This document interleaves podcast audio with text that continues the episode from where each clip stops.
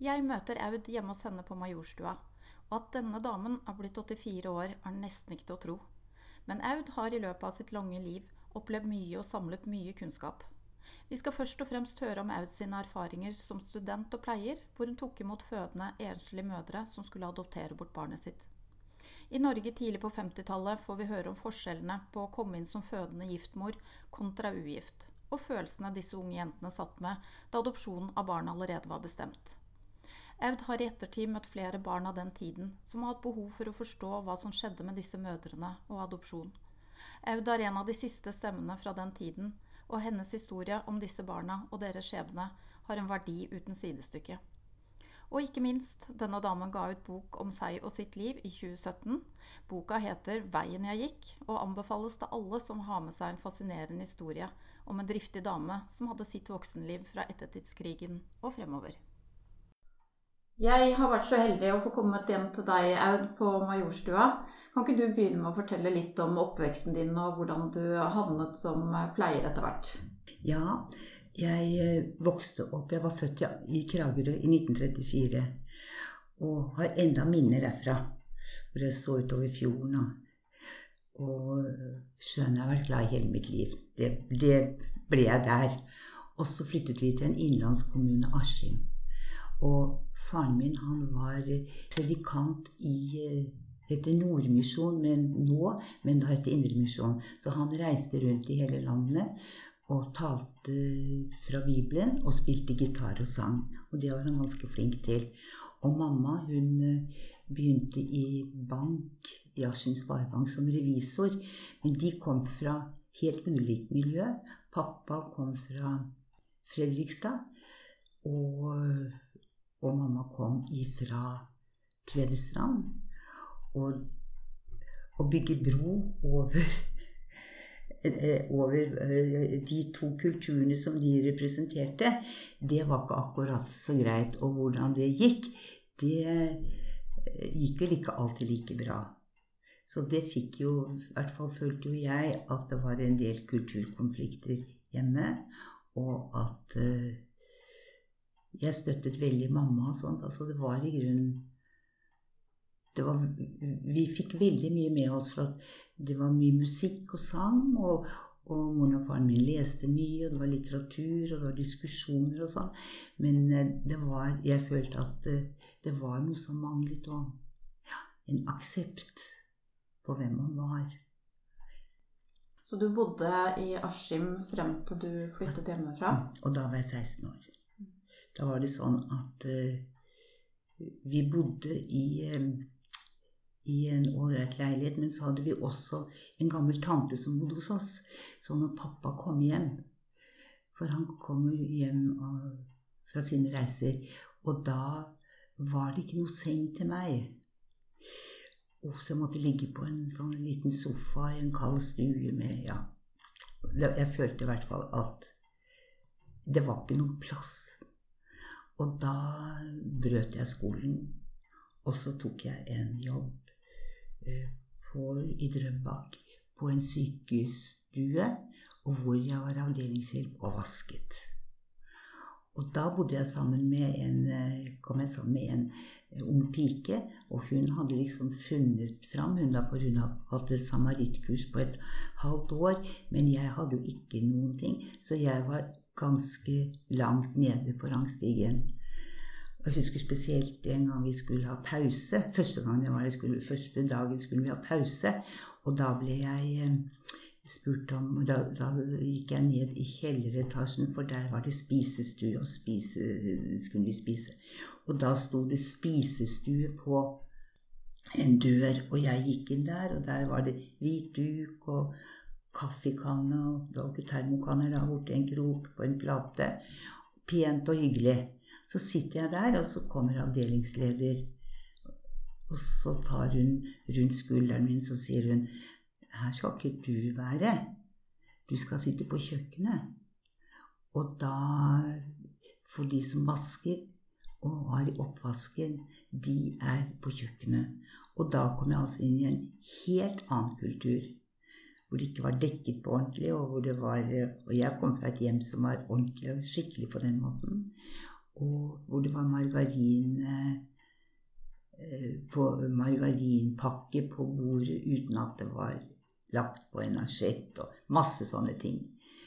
Og da tenkte jeg meg på tenkte jeg at heretter skal mitt ærend i livet være at det skal ikke være forskjell på folk. Og fra den dag ble jeg sosialist. Det har jeg vært siden.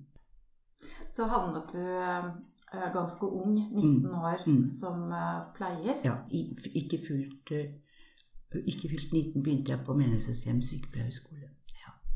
Og det, det, var ikke pleie, men det var, det var vanlig sykepleierutdanning på tre år. Ja. Så gikk jeg der, og det var jo naturlig, for det var liksom ikke noe annet sted jeg kunne begynne pga.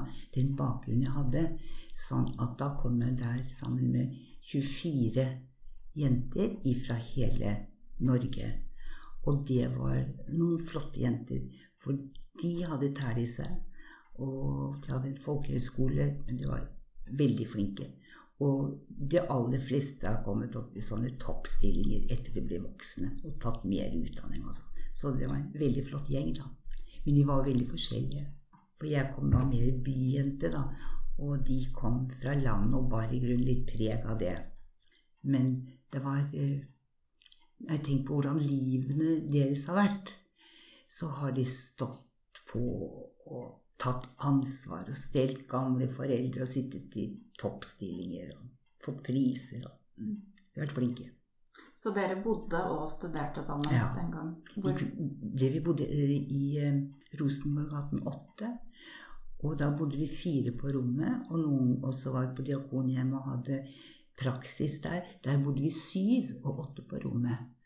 Og hvordan vi fikk det til, det vet jeg ikke. Men vi var aldri syke. Og vi tok bra eksamener, for at det var statseksamen. Og vi, vi kom ikke langt ned på lista. Vi var ganske flinke da, for vi jobbet. Mm. Det er det pietistiske som lå i oss, for det har noe med den, det å gjøre. Ja. Mm. I uh, altså sykepleier, da, vi, da vi var elever, så ble vi plassert ut på utposter. Og da skulle vi da på kvinneklinikken på Rikshospitalet. Og da lærte vi barsel og føden. Det kalte vi vi skal på føden. Og der var jeg da da jeg var 19 år. Og da var det møtte jeg denne historien, da. Kan ikke du fortelle litt rundt eh, hvordan det fungerte der? Jo, det var sånn at eh, den, den avdelingen jeg var på, den het Isoler.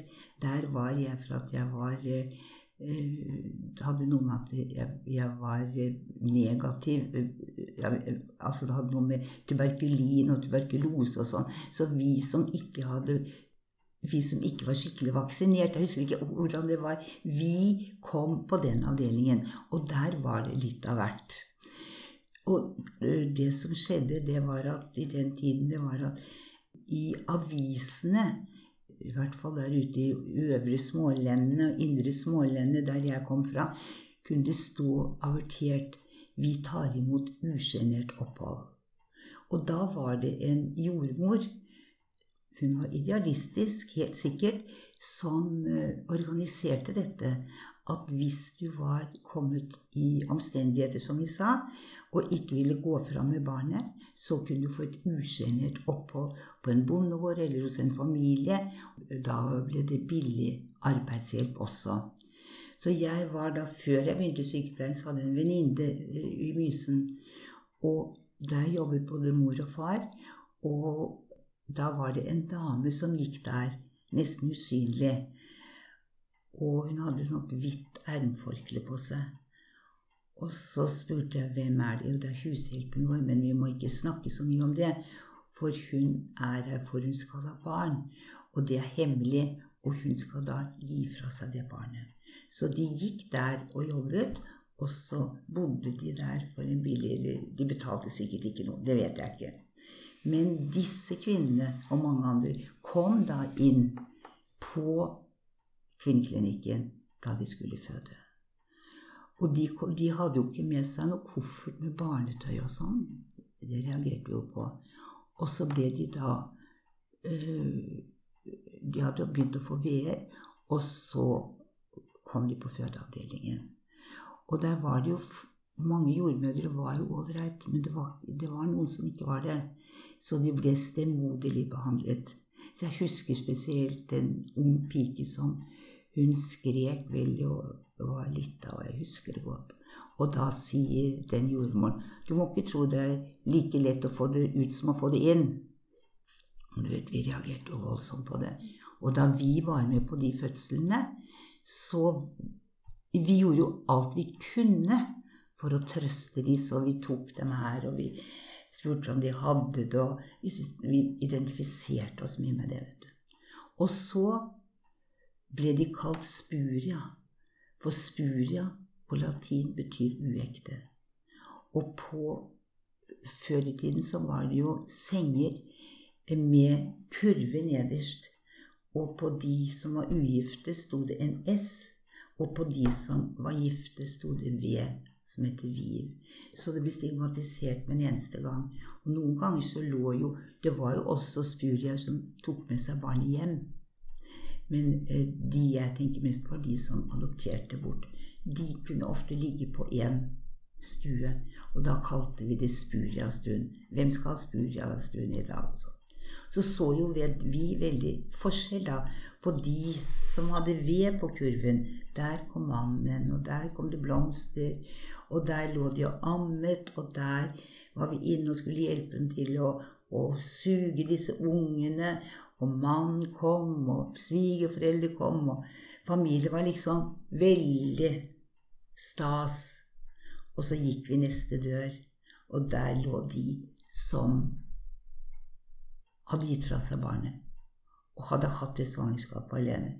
Tro hvem vi identifiserte oss med. Det var ikke de.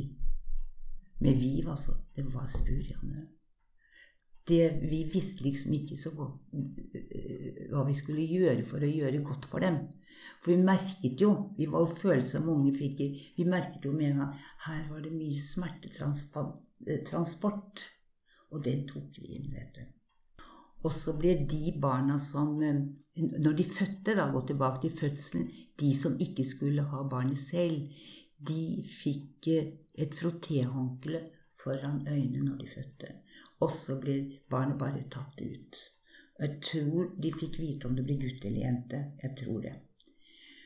Og så, når de kom da inn på eh, avdelingen hvor de skulle ligge, så ble jo eh, barnet Det lå da på barnestuen sammen med barna til de som ikke skulle adopteres. Så da lå de liksom frøken Petersens gutt eller frøken Hansens det sto.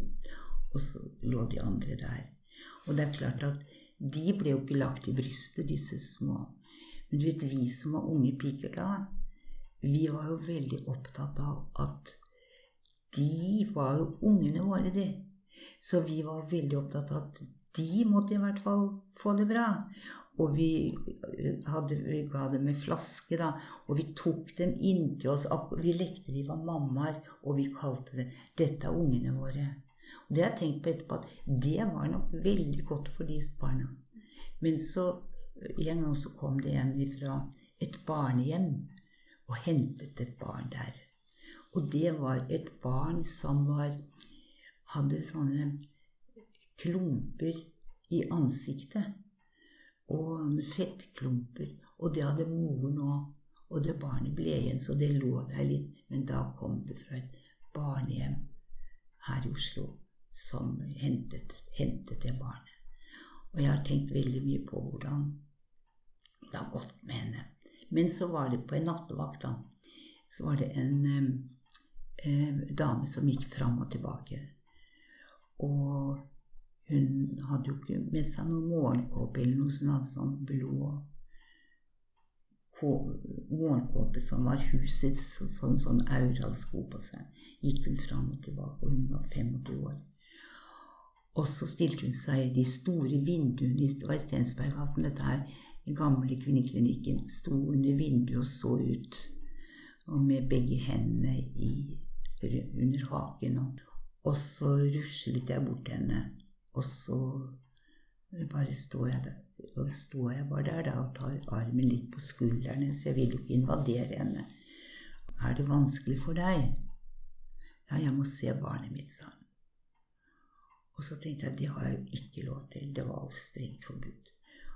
For oversykepleier og overnattsykepleier, hun gikk jo på runder. Og hvis hun så at jeg hadde vist barnet til en spuria som ikke skulle ha med seg det hjem, så ville jo jeg hadde sikkert ikke fått slutten, hadde i hvert fall fått en veldig dårlig karakter og kommet inn på teppet, og det var, det var ikke så populært da. Men i hvert fall så sto hun der, og så sa hun du vet, jeg har ikke lov til å vise deg det. Men så var det noe inni meg som sa Aud, dette må du gjøre. Du må, du må la henne se det barnet. Det er ingen vei utenom. Og så sa jeg til henne nå går jeg på skyllerommet og vasker bekken og gjør en del der. Og så går du inn på barnestuen, og så ligger ditt barn, det er ditt etternavn, frøken den og den, sitt barn. Og da ser du inn til venstre, og da ser du den lille gutten din.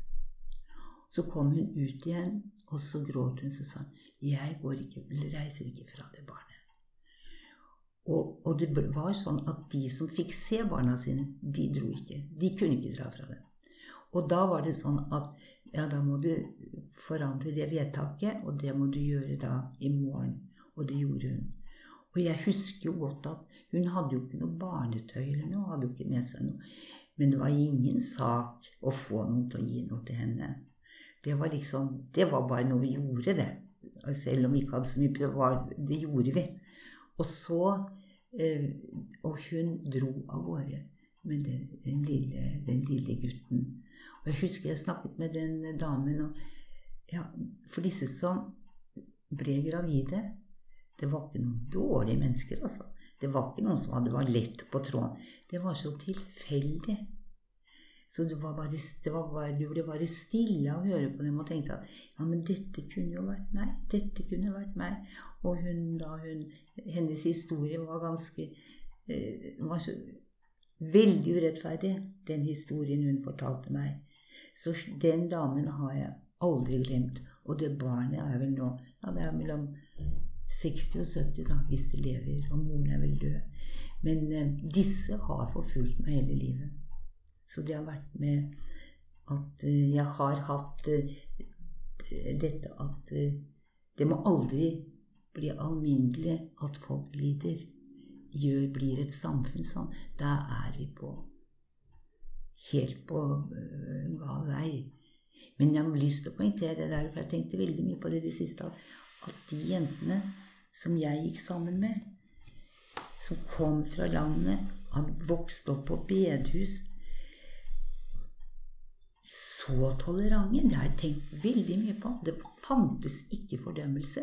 Og da var det ofte at de sa det. Vi var jo opptatt av å be og sånn. Så, ja, hva tror dere Jesus hadde gjort, sa de. Nei, han hadde ansvar. La de små barn komme til meg. Og det snakket vi mye om. Så det var liksom Vi hadde den ideologien òg, da, med oss. Og det var Den har vært der bestandig. Du sa først at uh, disse jordmødrene uh, la ut annonser. Uh, hvordan fungerte den greia der? Var, jeg vet i hvert fall én Jeg tror det var i, i Mysen. Og det var, det var idealistisk. Det var vel en sånn distriktsjordmor, da. Og hun så jo litt av hvert og tenkte hva skal vi gjøre? Og da organiserte hun det. Og det var ikke for å se ned på dem, det var for å hjelpe dem. altså. Det var av idealistiske grunner. For hvor skulle de gjøre av seg?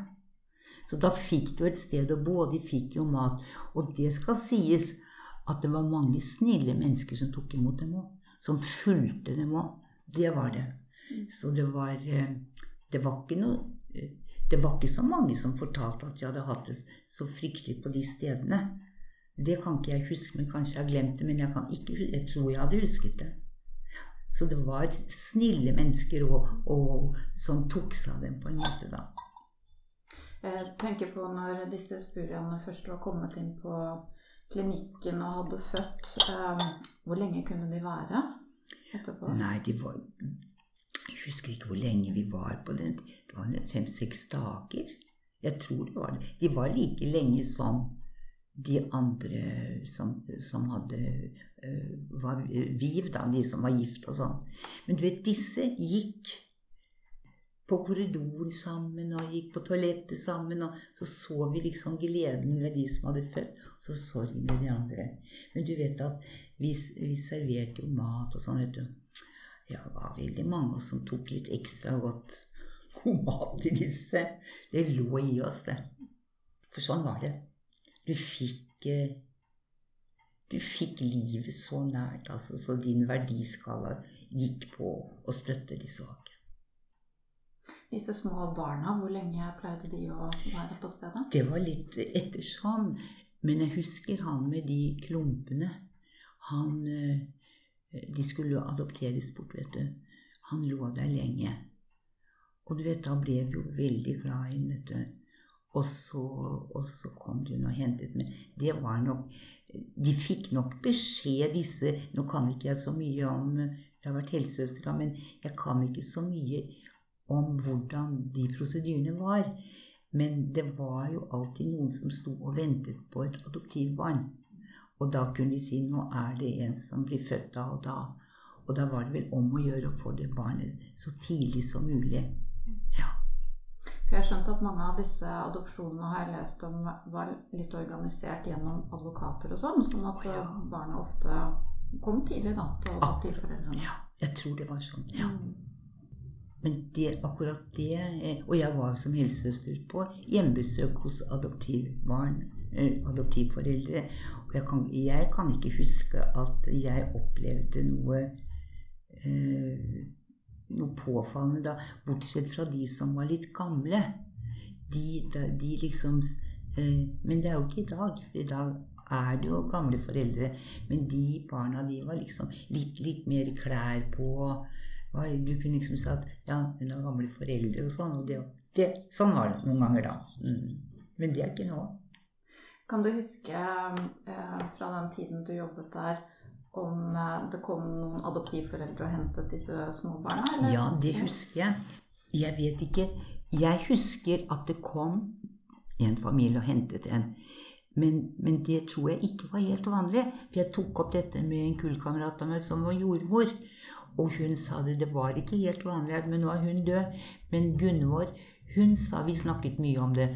Og Gunvor var et nydelig menneske, og hun sa Tro om jeg viste mange barn bak ryggen og viste mødrene barn, og de tok det med seg, sa hun. Jeg måtte gjøre det, sa hun. Og det var ikke lov, men jeg måtte gjøre det. Og mange gjorde det. var ikke bare meg som gjorde det. Så dere var egentlig med og hjalp mange av disse barna til å beholde biologiske ja, vi foreldre? Ja, vi mm. kunne vi, vi, følte jo det var vi, vi, kjente jo at dette kunne vært meg, vet du. Mm. Og da og idet du identifiserer deg. Men du må jo ikke identifisere deg sånn at du går inn i det, for du må jo ha en viss avstand for å være profesjonell òg. Men du vet Hjemme på, Da vi kom hjem på sykepleierskolen, hjem til kullingene våre, så kunne vi jo sitte og gråte og snakke om dette, for det fantes jo ikke noe veiledning. Men vi i kullet, vi satt jo på kveldene og sa Du, var det ikke fryktelig med den? Ja, det var grusomt. Så forferdelig. Og da gråt vi, og, og, da fikk vi ut veldig mye. For vi hadde det fellesskapet, vi bodde sammen. Og nå har Jeg var da ferdig i 6, begynte i 53. Og vi hadde 60-årsjubileum her da. Og vi er mange som lever. Og det har vært sånne nære forhold da. Alle disse årene. Når du ser tilbake på den tiden, organiseringen og hvordan de gjorde dette her på sykehuset den gangen, hva, hva syns du om det? Jeg, jeg syns jo at Jeg syns jo det jeg tenkte på, det var at samfunnet var jo lagt opp til at disse som ble gravide, de fikk jo ingen støtte. Og, og, og, det, og det, det, gjenspeilet sykehusene også. For det var en trend Det var, det var liksom var, det var, ikke noen de kunne snakke med. Var, de hadde en skam. Og den ble forsterket da de fikk dette barnet som var syndig. Det var det som var så grusomt. Så det hadde noe Og det må jeg jo si at det har kanskje gått for langt nå, men det er i hvert fall helt annerledes at eh, de barn har det ikke sånn i dag. som de hadde det da. Og de som de mødrene som gikk fram med barna sine og tok barnet med seg hjem, de ble jo kalt løsunger. Og jeg hadde en venninne som fikk barn i 64. Det var ingen som ville døpe det. Og til slutt, og, og hun var jo et kristent menneske, men til slutt så var det en venn av henne som var prest, som døpte det. Og da fikk de jo litt vanskelige spørsmål og sånn. Så det var så lite barmhjertighet. Og så gikk det på de tingene. Det som var seksuelt. De, de, andre ting kunne jo gå Det var ikke så farlig. Men det var fokusert veldig på det. Der syns jeg nok at samfunnet har eh, eh, Som helsesøster så har jeg jo vært på besøk hos kvinner som har fått barn uten å være gift, og det var jo Vi brukte jo mye tid på dem og prøvde å støtte så godt vi kunne. Men det gjorde nok helsesøster Jeg ble jo det senere. Men det gjorde de nok da også, for det ligger i, i utdanningen vår. Men, men eh, du vet, bare de begynte på skolen vet du, Jeg husker hjemme da jeg i Askim Da var det en som var født utenfor ekteskap. 'Vet du hvem faren din er nå, da?' sa læreren. Og for alle. Og han gjorde, og han var en kristen mann, altså. Men de løste alt på sånne ting. Har du møtt igjen noen av disse adopterte eller mødrene deres i ettertid? Derfor var det veldig sterkt når disse kom hit. For da følte jeg at dette var noen av de barna som jeg hadde vært mottatt imot. Kan ikke du fortelle om det møtet? Jo, det var helt utrolig. Først så treffer jeg denne damen da, eh, på, utenfor Glassmagasinet og fikk veldig god kontakt. Og sier kan jeg få telefonnummeret ditt? Og vi var så vidt vi hadde en penn, og jeg skrev opp det. Så ringer hun. Tror du vi kunne komme til deg? Ja, bare hyggelig. Da kom det fire damer her og satt her og spiste lunsj og snakket om hvordan de hadde hatt det. Og jeg satt der og tenkte Å, sånn Dette er de barna som jeg har vært med på og liksom gitt flaskemelk og tatt inntil meg og sånn før de kom og hentet dem, disse adoptivforeldrene.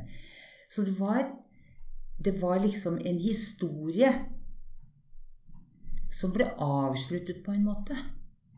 Og når jeg hørte hvordan de hadde hatt det, hvordan de hadde lett etter mødrene sine, og hvordan de At mamma ga meg bort.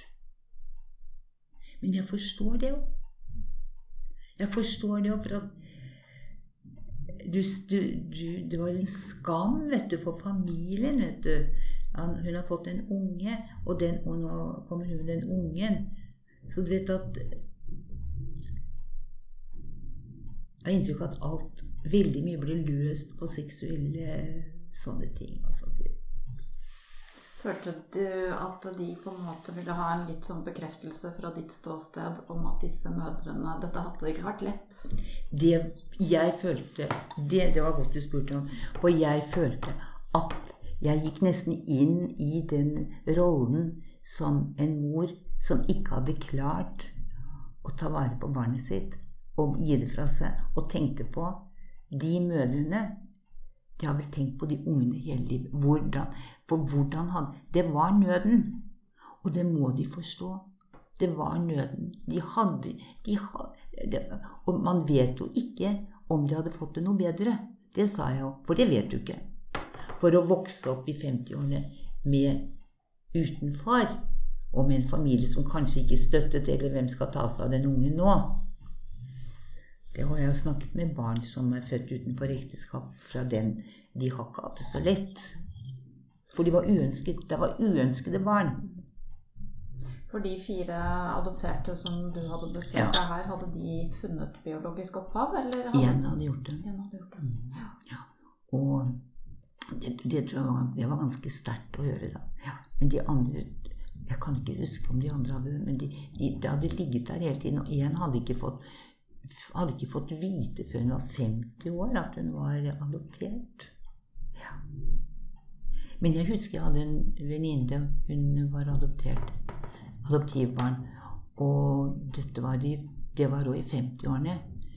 Og hun var litt skjev i øynene. Hadde litt skjevhet. Og så hadde hun fått høre at eh, faren jobbet på Østbanen. Så gikk vi, da vi var 18 år, så gikk vi på Østbanen og så etter alle som var litt skjeve i øynene og lurte på om det var faren.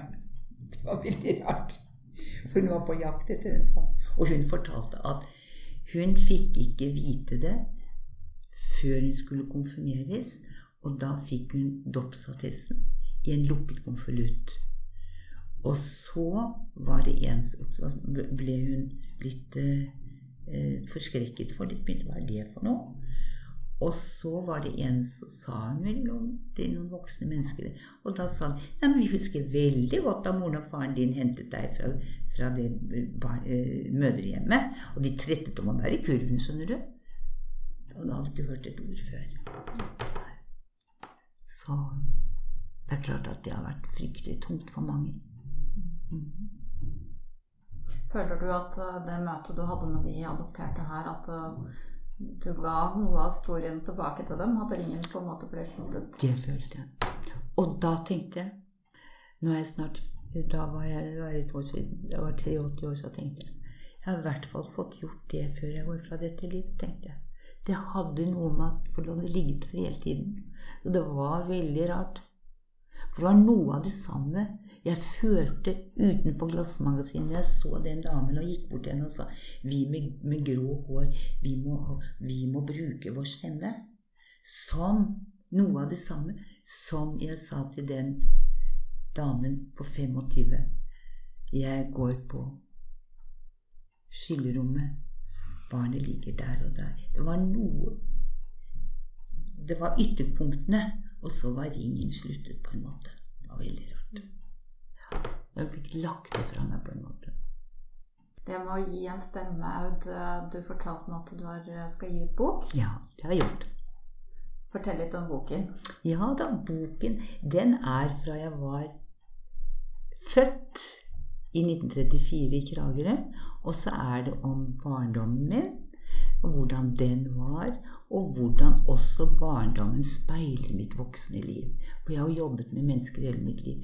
At det du har fått med deg i barndommen av godt og vondt, da har vi fått alle, det speiler det voksne livet. Og så er det de tingene som er vanskelig, som vi har, de fleste av oss. Hvis vi parkerer dem, og de tingene, og ikke gjør noe med dem, så vil det føre til frustrasjon, og det vil føre til at at du, bærer, du fører videre til dine barn ting som egentlig har vært vanskelig, men får du bearbeidet dem, så kan du satt ord på dem, og så kan du snakke om det. Det blir ikke borte, men det tar liksom noe av eh, kraften fra det. Så det var liksom meningen med boka, da. Ja. Og så tok jeg fra at jeg var ganske syk, så jeg holdt på å dø. Og så for jeg fikk kreft, og den var ganske alvorlig. Og så tenkte jeg det Og da var jeg forberedt på det. Så jeg skrev litt om det også. Å forlate livet.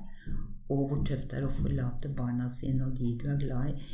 Ikke så Det er ikke det at Det er det mange som sier. Det er ikke det at jeg blir borte for meg selv. Jeg det er i grunnen ålreit på en måte, da. Men det at barna mine og barnebarna At ikke jeg skal følge dem mer. At det er noe igjen med at jeg skal forlate de jeg elsker mest i verden. Det var det som var tøffest for meg. Ja. Men så ble jeg frisk, da, så det var jo helt fantastisk. Så jeg har vært frisk siden jeg Og da skrev jeg det jeg skrevet om. Og så fikk jeg lov å synge, for jeg har sunget en del, og det var helt tilfeldig, da. Så det var at jeg eh, Det var jo liksom det jeg hadde hatt lyst til i livet, å synge.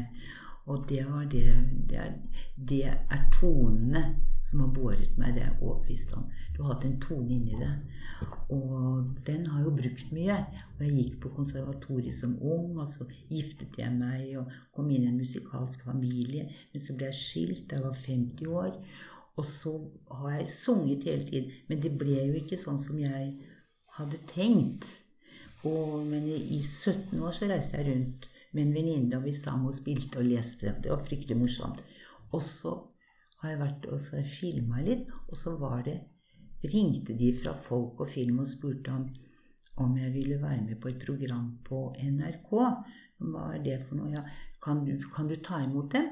Ja, det kan jeg gjøre. Så kom de opp, og så skulle de ha et, eh, et eh, program om en som hadde vunnet en konkurranse på Lillehammer filmskole om ø, å få sin eldre som får sin drøm oppfylt, eller har en drøm.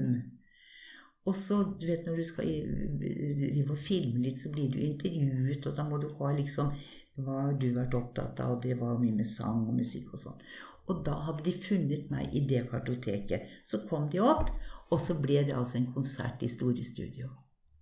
Med meg som solist. Jeg sang alene. Og det kom på TV da. Veldig morsomt da. Så det var jeg liksom Jeg har fått gjort Jeg har fått avsluttet på en måte. Jeg, jeg vil jo leve lenger, men jeg har nådd de måla mine. Det er ganske fint. Ja. Tusen hjertelig takk, Aud, for din historie. Bare hyggelig.